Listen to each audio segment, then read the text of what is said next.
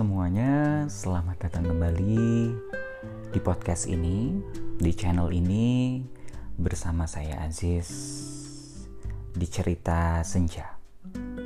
Oke, sebelum kita mulai, aku mau cerita kalau judul podcast ini aku ubah yang awalnya itu cerita hidup, tapi karena banyak komen kalau podcast ini lebih enak didengerin kalau sore-sore, malam-malam, sebelum tidur, cerita pengantar tidur.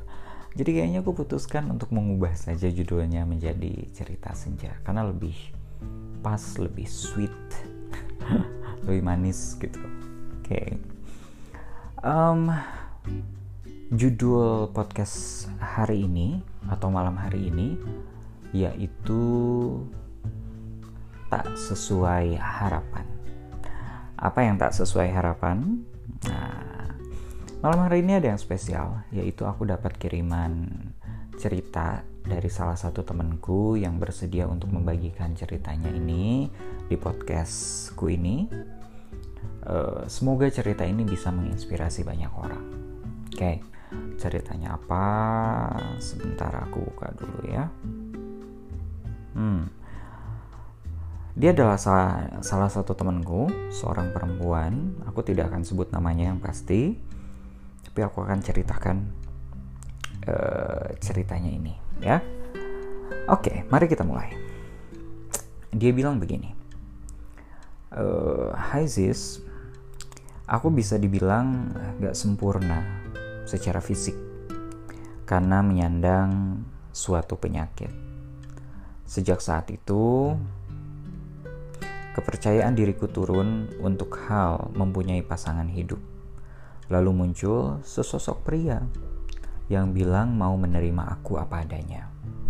Muncullah harapan. Tapi ternyata dia tidak seindah apa yang dia katakan. Pada akhirnya dia menerima bukan karena hati dan hatiku hancur. Oh, kayak sebuah lagu ya. hancur hatiku. Oke, okay. ya, mari kita belajar dari cerita ini. Um, tentang harapan. Hal pertama yang mungkin di sini aku ingin sampaikan adalah ada sebuah istilah di mana lidah itu tidak bertulang siapa pun bebas mengatakan apa pun. Tapi, ketika kondisi seseorang berubah atau kondisi kita berubah atau faktor-faktor apa pun yang ada di dalam hubungan kita berdua ini antara kita dengan pasangan kita berubah, maka keduanya mungkin untuk berubah juga gitu.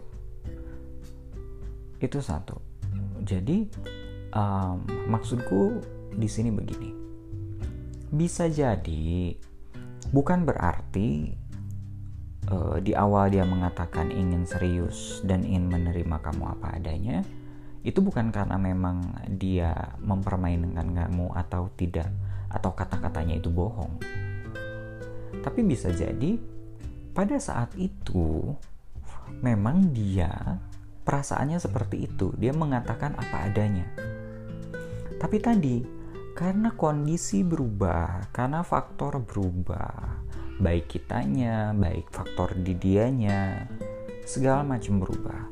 Maka akhirnya itu juga membuat dia berubah juga terhadap kamu. Nah, berarti di sini kita belajar satu hal bahwa segala sesuatu itu tidak ada yang sifatnya tetap segala sesuatu itu pasti berubah. Ya. Sering dengar gak? Kayaknya ada sering dengar ya. Yang tadinya cinta jadi benci yang tadinya benci jadi cinta itu sering dengar. Banyak banyak banyak kasus yang tadinya itu cinta-cintaan sayang-sayangan sampai akhirnya nikah. Tapi karena ada satu hal yang terjadi akhirnya bertengkar KDRT ya kekerasan fisik dan segala macam yang akhirnya bukan cinta lagi tapi kebencian. Ada juga yang awal-awalnya misalkan oh hina-hinaan atau mungkin apa ya uh, usil-usilan atau mungkin suka ngata-ngatain atau isengin kamu eh ternyata dia jatuh cinta sama kamu. That's why kita harus belajar melihat bahwa kondisi itu tidak ada yang tetap kondisi itu berubah, selalu berubah. Dan ini tidak hanya berlaku pada urusan cinta-cintaan, tapi berlaku pada seluruh aspek kehidupan kita. Ketika kita memahami ini, maka kita akan belajar memahami bahwa uh, ketika sesuatu berubah, maka ekspektasi kita terhadap hal tersebut juga akan berbeda juga. Jadi, cara pandang ini itu akan membantu membuat kita mampu memanage ekspektasi kita dengan baik. Gitu. Jadi ada dua hal, kesimpulannya ada dua hal yang di sini bisa dipelajari. Yang pertama adalah iya, siapa pun bisa mengatakan apa pun. Tapi yang harus kita lihat itu adalah dari sikapnya. Oke. Yang kedua, segala sesuatu itu pasti berubah. Tidak ada yang tidak berubah. Oleh karena itu, kita harus belajar melihat kondisi seperti ini supaya kita bisa mampu memanage ekspektasi kita ya ada juga kok yang tadinya oh iya niat aku mau serius sama kamu aku mau nikahin kamu nih eh berapa lama malah dia nikahnya sama orang lain. Ayo ada yang kayak gitu nggak? Atau ada yang pacaran bertahun-tahun. Eh ternyata tiba-tiba putus sama kita terus nggak berapa lama nikah sama orang lain. Ada kan kayak itu banyak. Aku sering sering dengar ada satu celetukan cerita dari teman gue yaitu aduh sis aku tuh pacaran 7 tahun cuman untuk jagain calon suami orang doang katanya gitu tapi nggak gitulah. Itu mau bercandaan doang itu bercandaan doang. Ya kita juga nggak tahu dia akan menikah sama siapa atau kita akan menikah sama siapa. Nobody knows oke? Okay? Jadi dengan tadi dua hal tadi itu bisa membuat kita uh, lebih kecil resikonya untuk punya trauma, untuk punya takut, uh, untuk memiliki rasa takut terhadap hubungan yang baru atau terhadap pasangan yang baru.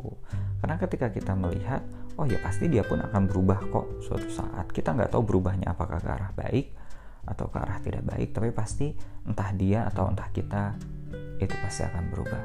So ekspektasi kita akan lebih termanage dengan baik. Dengan begitu kekecewaan yang akan kita alami juga itu tidak akan terlalu besar. Malahan mungkin kalau kita sudah terlatih seperti ini, eh, belajar memanage ekspektasi, kekecewaan kita terhadap suatu hal itu akan lebih semakin mengecil, semakin mengecil, semakin mengecil. Kira-kira begitu untuk cerita malam hari ini. Semoga um, cerita ini dapat memberikan inspirasi bagi siapa pun yang mendengarnya, bagi kamu-kamu yang sedang mendengarkan, dan terima kasih juga untuk temanku ini yang berhas yang uh, bersedia untuk membagikan ceritanya kepada kita semua, ya.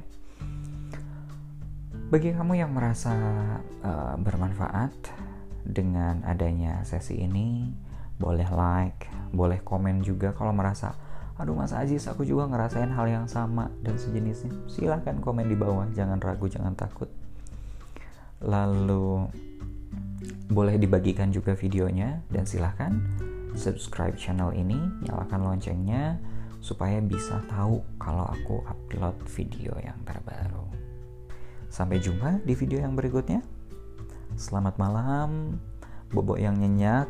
Selamat istirahat. Namaste.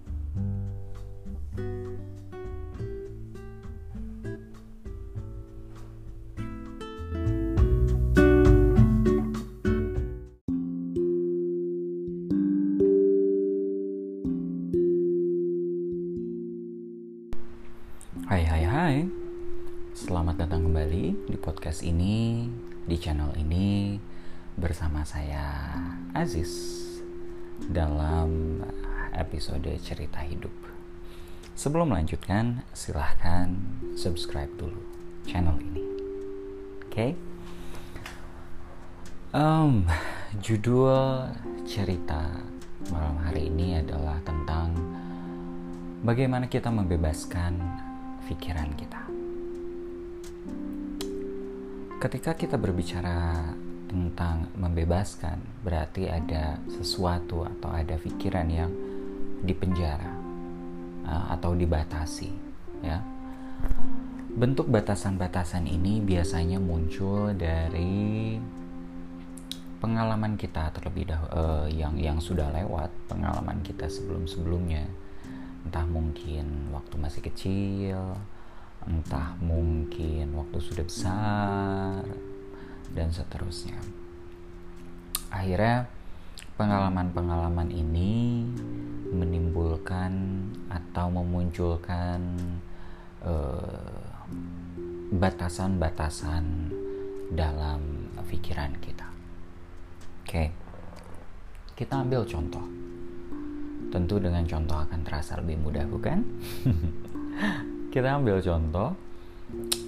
Um, contohnya adalah ketika seseorang dia hendak melakukan sesuatu, misalkan dia berpikir bahwa atau dia menginginkan untuk membeli sebuah rumah, oke, okay? dan ketika dia sedang apa ya yang muncul di pikirannya saat itu adalah oh ya ketika saya butuh rumah berarti saya butuh uang sekian. Ketika saya butuh uang sekian berarti saya butuh ini gitu. Waduh bagaimana jika saya tidak mampu melakukan A? Bagaimana nanti misalkan tiba-tiba kondisinya berubah? Bagaimana ini? Bagaimana itu? Dan segala macam segala macam. Itu semua disebut dengan batasan pikiran kita atau penjara pikiran kita ketakutan-ketakutan itu adalah penjara-penjara pikiran kita. Nah, apa yang terjadi ketika kita terpenjara? Ya, itu mah gampang, semua orang juga tahu. Kita tidak bebas ya. Kita pu tidak punya kebebasan dalam menjalani. Lalu apa yang harus kita lakukan? Pertama kita harus paham bahwa tugas kita sebagai individu itu adalah memastikan bahwa prosesnya itu dijalani.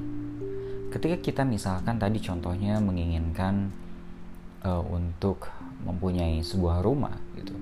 Ya, proses yang harus kita jalani menabung atau apa atau apa yang itu jalani kita jalani tapi jangan menyertakan batasan-batasan pikiran kita di sana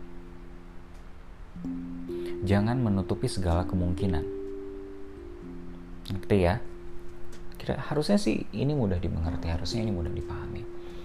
Misalkan contoh lainnya lagi ketika punya cita-cita menjadi seorang apa gitu misalkan. Nah, yang harus dijalani adalah oh ya hari ini saya harus melakukan A, hari kedua saya melakukan B. Tugas kita sebagai seorang individu itu adalah individu itu adalah menjalani. Sisanya apakah kita berhak mendapatkan itu atau kita tidak berhak mendapatkan itu? Apakah kita pantas mendapatkan itu atau tidak pantas mendapatkan itu? Itu bukan urusan kita lagi. Biarkan itu menjadi urusan Tuhan biarkan itu menjadi urusan alam semesta.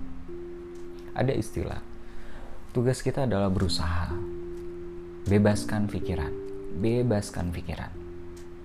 Semakin kita terpenjara oleh segala bentuk ketakutan-ketakutan di dalam pikiran kita, percayalah dan sebenarnya tidak harus percaya, kalian juga akan ngerasain sendiri, itu akan semakin merasa tersiksa.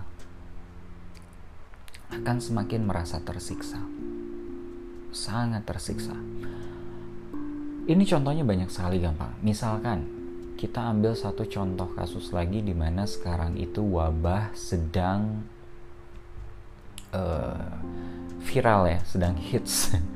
nah, pikiran kita dipenjara dengan, aduh ketika wabah ini muncul, bagaimana kalau ini? Bagaimana kalau itu? Bagaimana kalau ini? Bagaimana kalau itu? Terus pikiran kita berputar seperti itu. Akhirnya apa yang terjadi? Akhirnya tindakan kita itu impulsif. Kita melakukan segala sesuatu tidak berdasarkan kesadaran. Contoh belanja gila-gilaan. Kita nggak bisa mikirin orang lain. Contoh lagi yang berikutnya. Kita malah stres. Malah ada yang mungkin yang teman-teman yang ngerasain psikosomatis ya. Dan macam-macam bentuk lainnya nah tugas kita adalah sudah diam di rumah ikuti anjuran dari lembaga kesehatan seperti WHO dari pemerintah kita diam di rumah kita ikutin aturannya kita jaga kesehatan, makan yang sehat dan segala macam. Tapi kalian jangan membuat pikiran kalian terpenjara, ngerti nggak? Jadi di sini ada dua hal yang harus dipisahkan. Yang pertama itu adalah pikiran kalian atau pikiran kita. Itu jangan memenjara pikiran kita sendiri. Karena yang muncul adalah ketakutan.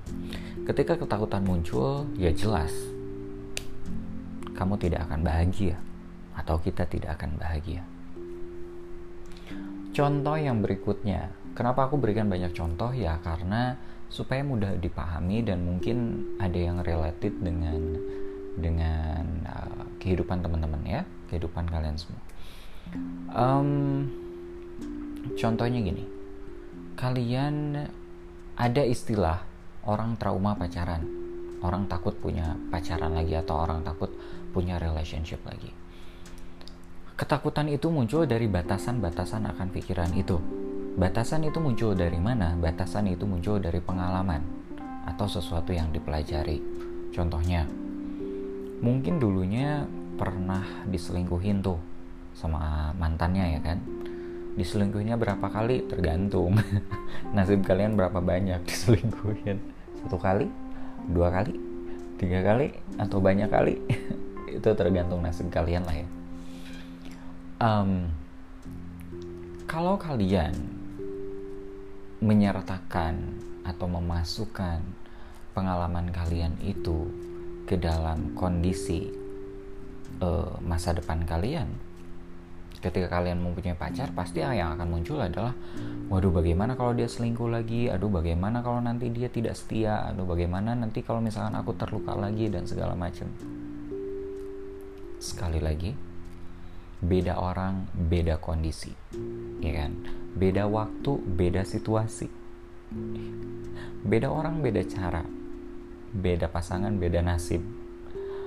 Jadi yang harus kalian lakukan adalah bebaskan dulu pikiran kalian dan jalani hubungan itu dengan enjoy.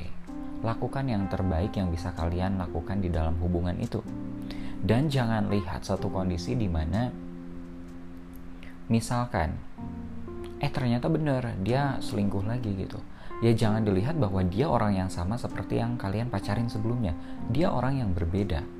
Yang harus kalian lihat lebih dalam itu adalah apa sih yang membuat pola ini terus berulang.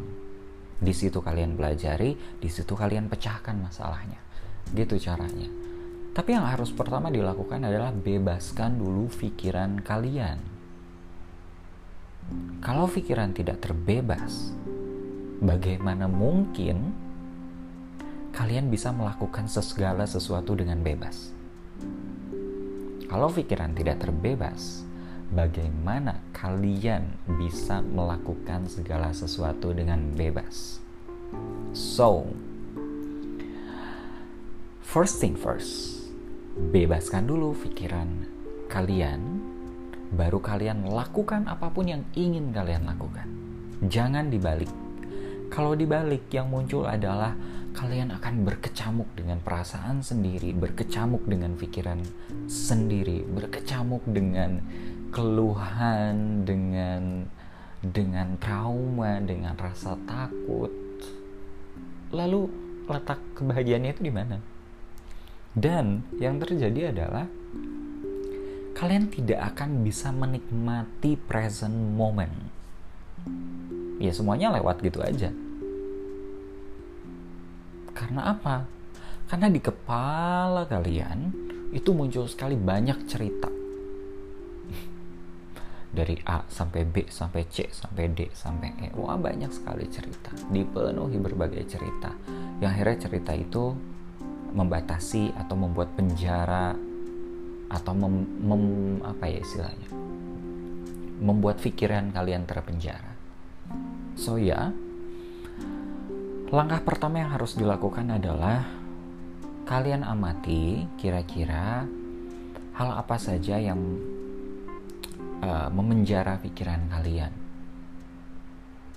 Kalian mau lihat dari skup mana dulu? Mau dilihat dari skup kehidupan sosial kalian, kehidupan uh, percintaan kalian, kehidupan karir kalian, atau mau kehidupan yang mana? Silakan kalian pilih. Itu tahap pertama. Lalu tahap kedua, kalian temukan dulu penjaranya itu apa aja sih? Oke. Okay? Lalu yang kedua, ada sebuah latihan di mana um, latihannya sangat simpel. Um, ini sebenarnya bentuk satu latihan meditasi yang biasa aku lakuin. Uh, ini tuh di offer oleh salah satu guru yoga besar di India, namanya Satguru.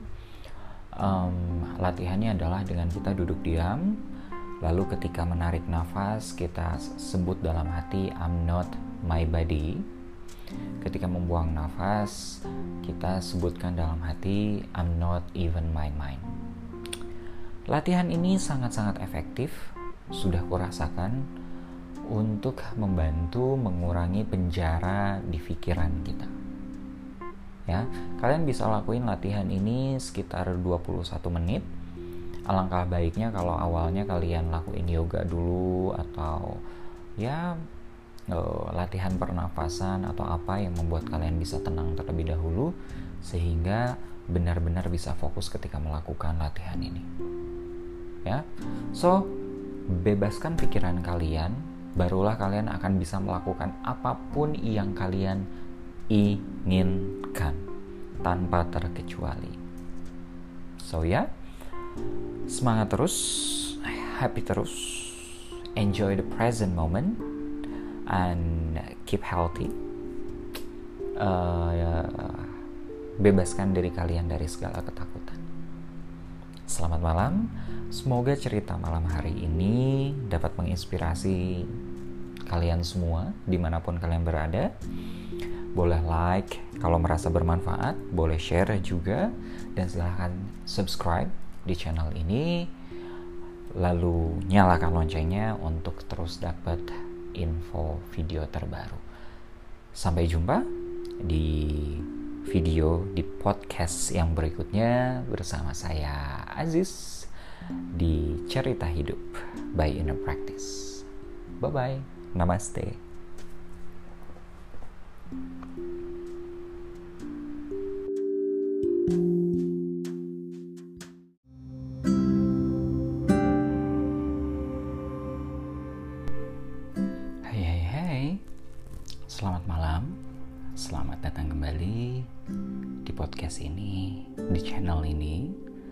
Bersama saya Aziz. Silahkan subscribe.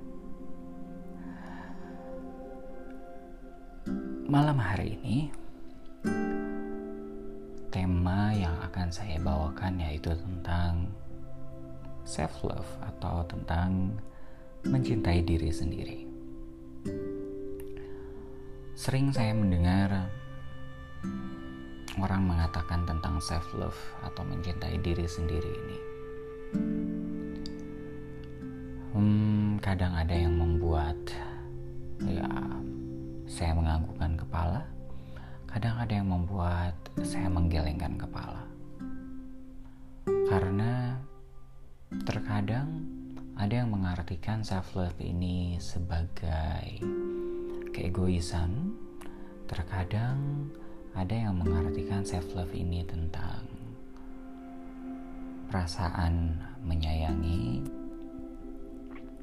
dengan ingin membuat diri sendiri bahagia. Oke, okay.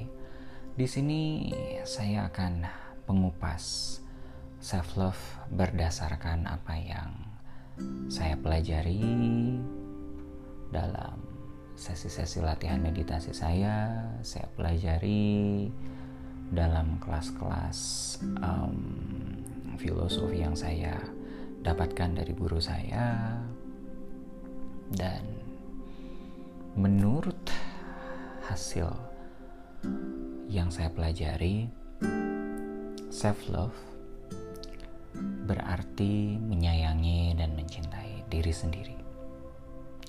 Di sini kita akan belajar sebuah kata yaitu mencintai atau menyayangi. Ketika kita bayangkan kita melihat anak kita sudah pasti kita mempunyai rasa sayang terhadap anak kita. Dan ketika kita memiliki rasa sayang terhadap anak kita, sudah pasti pula bahwa kita ingin membuat anak kita bahagia.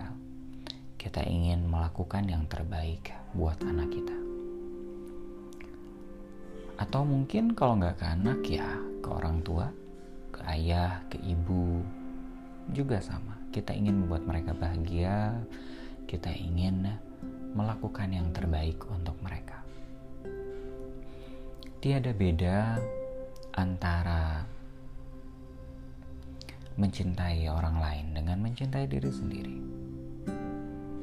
Persis sama. Ketika kita mencintai diri sendiri,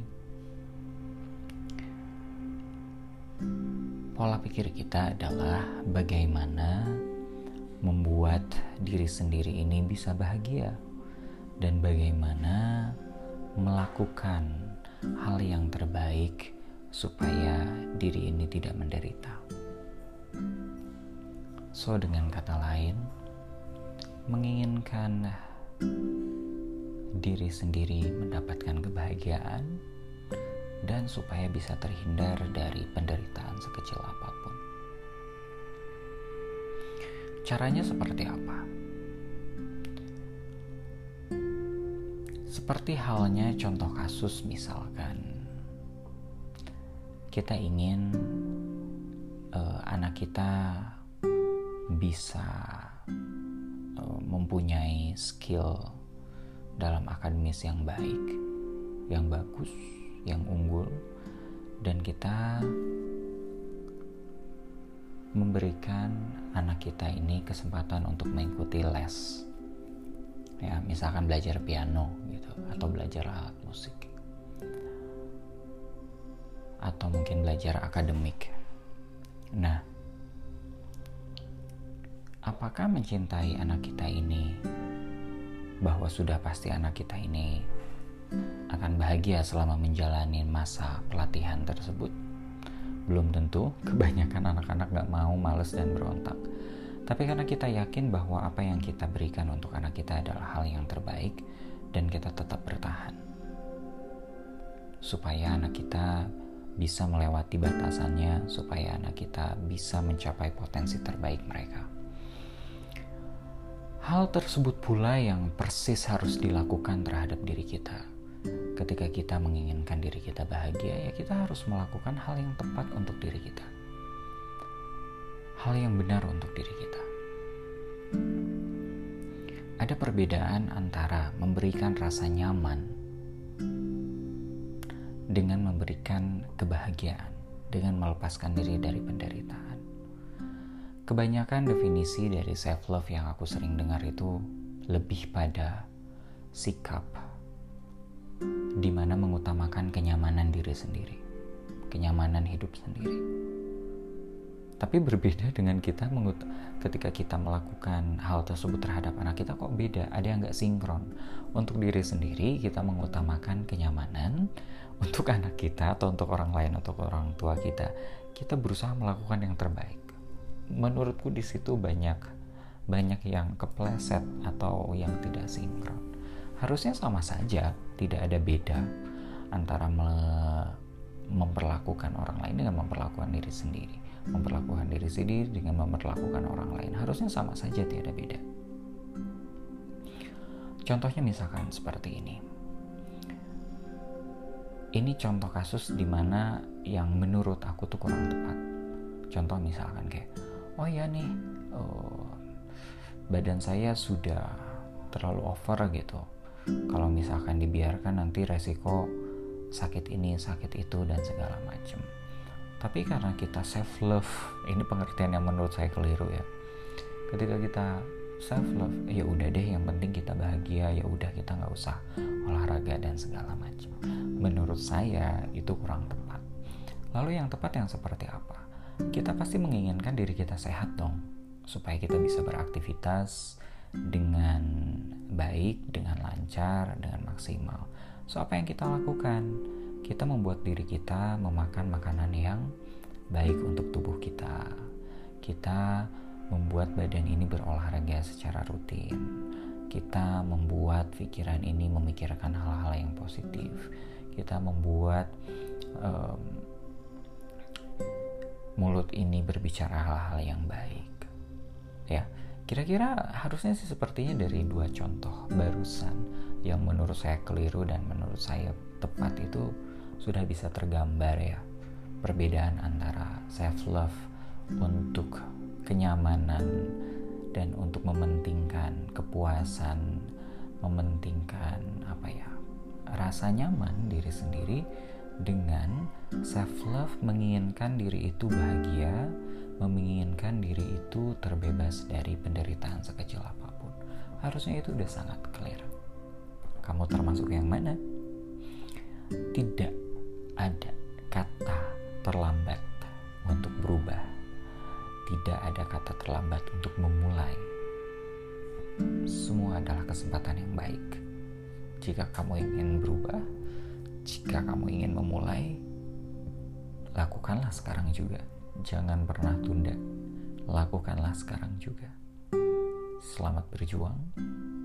Selamat berusaha dan mudah-mudahan bisa memetik hasilnya dalam waktu yang cepat.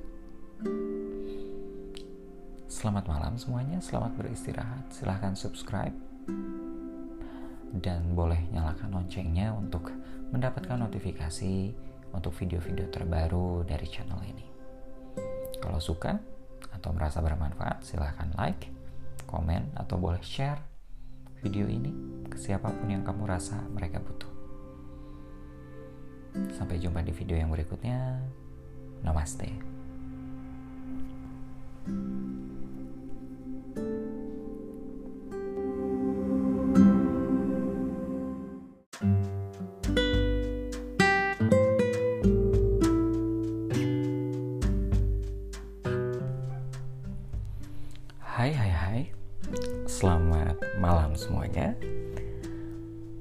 Datang kembali di podcast Cerita Hidup bersama saya Aziz. Malam hari ini saya akan melanjutkan uh, pembahasan di podcast yang sebelumnya di episode 1 yaitu tentang bahagia itu mudah. Oke. Okay. Bahagia. Ya, kemarin kita sudah lumayan mengupas tentang makna dari bahagia, tentang karakteristik dari kebahagiaan. Di podcast yang kali ini, aku ingin fokus lebih membahas ke bagaimana sih supaya kita bisa mendapatkan kebahagiaan itu. Oke. Yang pertama, catatannya adalah bahagia itu bukan apa yang kalian lakukan, tapi bahagia itu adalah sejatinya diri kalian sendiri. Penjelasannya seperti apa? Penjelasannya itu, um, aku sering sekali mendengar uh, yang disampaikan oleh orang-orang kebanyakan. Oh iya, aku bahagia ketika aku membeli A, aku bahagia ketika aku melakukan A Aku bahagia ketika melakukan ini, itu, dan segala macam, mendapatkan ini, itu, dan segala macam. Ya, itu benar. Tapi kebahagiaan tersebut tidak dapat diandalkan. Maksudnya seperti apa? Gini. Ketika kita bahagia karena kita melakukan sesuatu ya atau mendapatkan sesuatu atau ya itu tadi garis besarnya melakukan sesuatu berarti ada hal yang ketika kita lakukan memberikan kebahagiaan ada hal yang ketika kita lakukan itu tidak memberikan kebahagiaan oke okay? mudah-mudahan paham sampai sini tapi ketika kebahagiaan itu adalah diri kita sendiri sejatinya diri kita sendiri maka apa pun tanpa pengecualian apa pun yang kita lakukan itu akan menjadi bahagia. Apa pun yang kita pikirkan itu akan menjadi bahagia. Apa pun yang kita lihat itu akan menjadi bahagia. Aku akan kasih sebuah contoh. Contohnya begini. Contohnya um, kita mau jalan ke pantai atau ke mana nih mau keluar rumah terus kita dikasih kacamata sama uh, mama kita misalkan. Dikasih kacamata berwarna biru. Oke. Okay. kacamata berwarna biru itu adalah diri kita sendiri. Ya. Ketika kita gunakan semua yang kita lihat menjadi biru.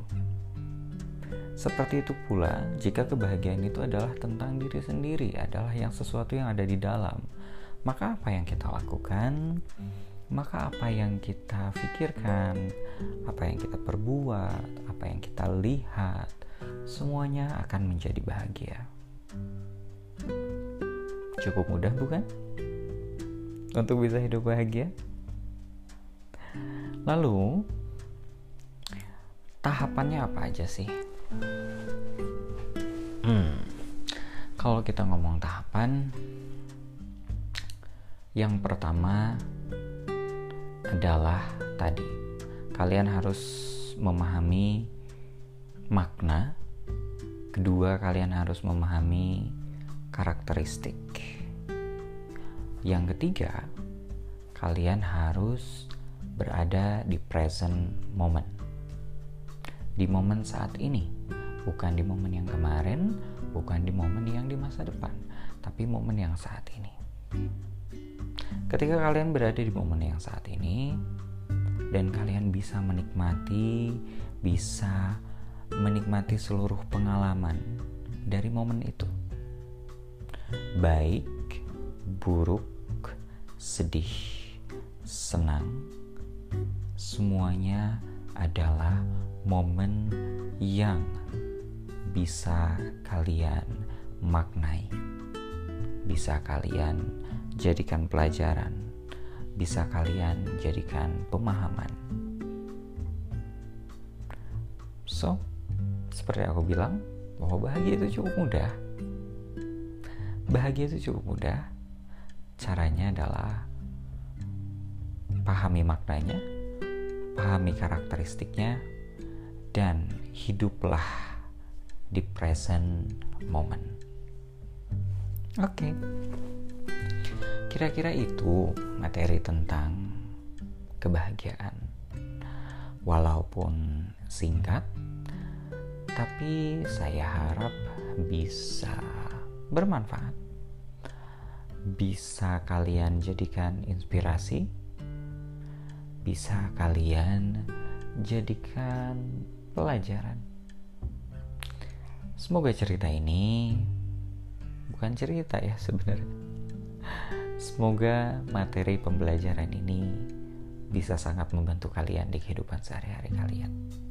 Kuncinya satu adalah practice, practice, and practice. Karena usaha itu pasti akan memberikan hasil Yes, kita butuh waktu, kita butuh kesabaran, kita butuh ketekunan, kita butuh komitmen. Tapi satu hal bahwa usaha yang kita lakukan itu akan memberikan hasil. Semangat terus, jalani hidup kalian, enjoy, nikmati. Selamat malam. Silahkan subscribe, silahkan komen kalau merasa ada sesuatu yang kalian ingin ungkapkan di kolom komentar di bawah. Boleh share juga kalau merasa video ini bermanfaat. Sampai jumpa lagi di video yang berikutnya atau di podcast yang berikutnya. Bye bye, namaste.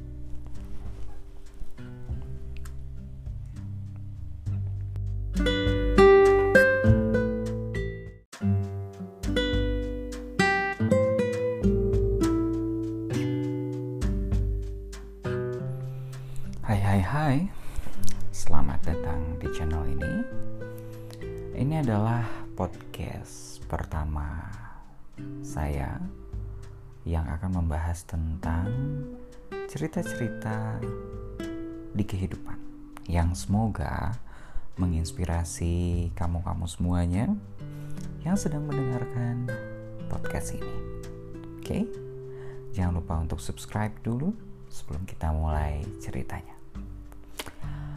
Hmm. Kamu pernah gak berpikir tentang bahagia? Atau kamu berusaha memahami apa itu bahagia? Atau kamu menginginkan kebahagiaan? Topik bahagia adalah sebuah topik yang tak pernah lekang oleh waktu. Kenapa? Karena semua makhluk hidup yang ada di alam semesta ini dalam tujuan hidupnya ya cuman satu semua pinginnya bahagia. Semua tak ada yang ingin menderita. Apakah benar begitu? Ya, mari kita ambil contoh-contoh yang kecil yang ada di sekitar kita. Misalkan,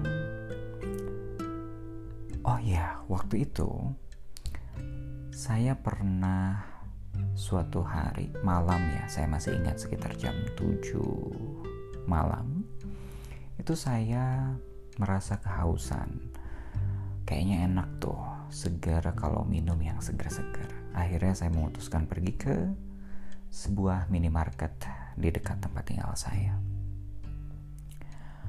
lalu ketika sedang mengantri pembayaran di kasir di situ ada seorang ibu yang sedang menggendong anak kecil. Lalu anak kecil ini hendak mengambil sebuah mainan yang makanan juga, pokoknya bentuk-bentuk telur itu loh, ya. Apa ya namanya? Kinder Joy ya kalau nggak salah. Lalu anak kecil ini awalnya dikasih mainan tersebut sama ibunya. Tapi ibunya cuma kasih pegang sebentar habis itu ibunya tidak tidak tidak mau memberi uh, membeli maka, uh, mainan itu untuk dia ketika anak itu memegang mainan tersebut dia merasa senang. Dan ketika anak itu mainannya dilepaskan oleh ibunya dan anak itu menjadi menangis. Anak itu tidak bahagia. Ya kita lihat contoh kasus lainnya. Mungkin kita pernah sesekali menginjak semut gak sengaja, lalu semut itu gigit entah tangan, entah kaki kita ya. Kalau nginjek ya kaki lah ya, kaki kita. Terus kira-kira kenapa semut itu menggigit? Simpel jawabannya, sederhana jawabannya. Karena Bahkan semut kecil pun ingin hidup bahagia. Tidak ada yang ingin menderita. Pertanyaannya, bahagia itu apa sih? Sulit gak sih untuk orang bahagia? kok kayaknya di mana-mana orang nyari bahagia dan gak ketemu-ketemu. Hmm, selama ini aku paling sering mendengar satu pernyataan tentang kata bahagia. Katanya begini. Bahagia itu masing-masing orang atau masing-masing makhluk sifatnya relatif. Beda bahagia, beda makna kebahagiaan untuk masing-masing orang. Ada bahagia karena A, ada bahagia karena B, ada bahagia karena C. Well, aku setuju. Aku sangat setuju dengan itu. Tapi ada satu hal yang um, perlu kita ketahui. Yes, bahagia itu relatif, tapi ada sebuah rahasia yang ingin aku ungkapkan. Bahagia memang relatif, tapi karakter dari kebahagiaan itu sebenarnya sama. Tahu nggak? Teman-teman tahu nggak? Apa karakter alami dari bahagia? Bahagia itu adalah sangat-sangat mudah. Bahagia itu adalah ketika kita mendapatkan apa yang kita inginkan. Menderita itu adalah ketika kita tidak mendapatkan apa yang kita inginkan. Benar begitu? Begitu benar? Silakan amati baik-baik. Silakan komen di bawah. Apakah benar kalau kita mendapatkan apa yang kita inginkan kita bahagia? Dan kalau kita tidak mendapatkan apa yang kita inginkan, kita menderita. Apakah benar begitu? Hmm. Nampaknya kita perlu meluangkan waktu untuk diri kita benar-benar melihat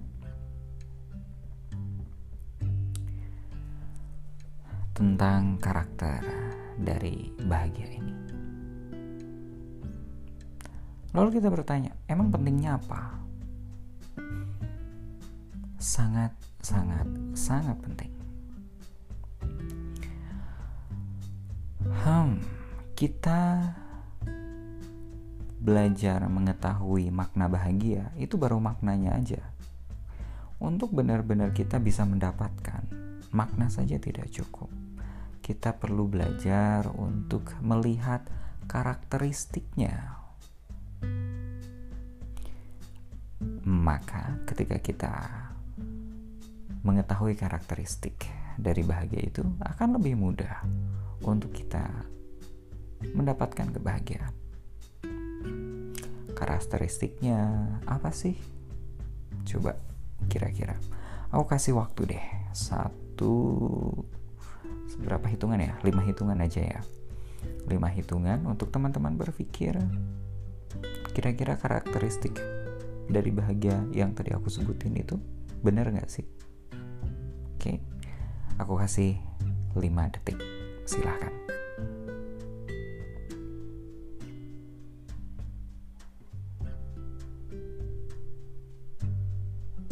Nah, oke. Okay. Hmm, mungkin ada yang berpikir, oh iya benar. Ada yang berpikir masa sih gitu. Oke. Okay dan berarti kita perlu sebuah contoh kasus. Oke. Seandainya nih. Oh no no no no no. Ada sebuah cerita. Ada sebuah cerita. Ceritanya adalah aku kasih nama siapa ya dia? Kasih nama Mr. Mr. siapa ya? Mr. Panda. Oke. Okay. Aku kasih nama Mr. Panda. Mr. Panda ini hidup di sebuah kandang di sebuah kebun binatang. Mr. Panda ini hidup dengan berbagai segala macam yang ada. Awalnya dia tidak mengetahui ada kehidupan di luar kandang. Namun ketika dia mengetahui kehidupan di luar kandang, akhirnya apa yang dia punya di dalam kandang itu tidak cukup membuat dia bahagia atau dia puas. Dan dia menginginkan untuk pergi keluar dari kandang. Waktu itu dia berpikir, "Oh, mungkin jika saya pergi dari keluar kandang ini, tentu saya akan lebih bahagia." Dan dia pergi keluar kandang. Oke? Okay? Nah, pergi keluar kandang, dia masuk uh, ke lingkungan di luar kandang, ke lingkungan yang baru. Otomatis yang ukurannya lebih luas dan segala macam, segala macam, segala macam. Lalu Mr. Panda ini menikmati kehidupan di luar kandang. Lalu tiba-tiba dia mengetahui lagi tuh ternyata ada kehidupan yang lebih besar daripada kehidupan yang sekarang ini dan akhirnya semester panda ini dia melihat wah ternyata saya masih belum benar-benar mencapai apa yang saya inginkan belum bahagia nih dia ingin sesuatu yang lebih dia ingin sesuatu yang lebih. Nah, Mr. Panda ini adalah cerminan dari kehidupan kita sehari-hari.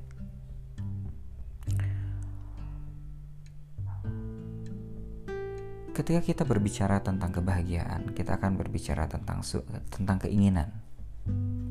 Ketika kita berbicara tentang keinginan, kita berbicara tentang kepuasan. Kapan keinginan kita itu dapat terpuaskan? semua makhluk secara alami mereka menginginkan sesuatu yang tidak ada batasannya. Apakah benar begitu? Silahkan direnungkan masing-masing. Um, silahkan difikirkan masing-masing dan silahkan berikan jawabannya di kolom komentar. Pembahasannya nanti aku akan lanjut di podcast yang berikutnya supaya tidak terlalu panjang dan supaya tetap bisa dinikmati dan dikangenin. Oke. Okay? Itu saja cerita untuk malam hari ini. Silahkan kamu pikirkan baik-baik. Jika sudah tahu jawabannya, langsung komen di bawah okay? subscribe channel ini. Semoga cerita yang disampaikan di video kali ini dapat bermanfaat untuk kamu semuanya yang mendengarkan. Sehat selalu, bahagia selalu. Sampai jumpa di video yang berikutnya. Namaste.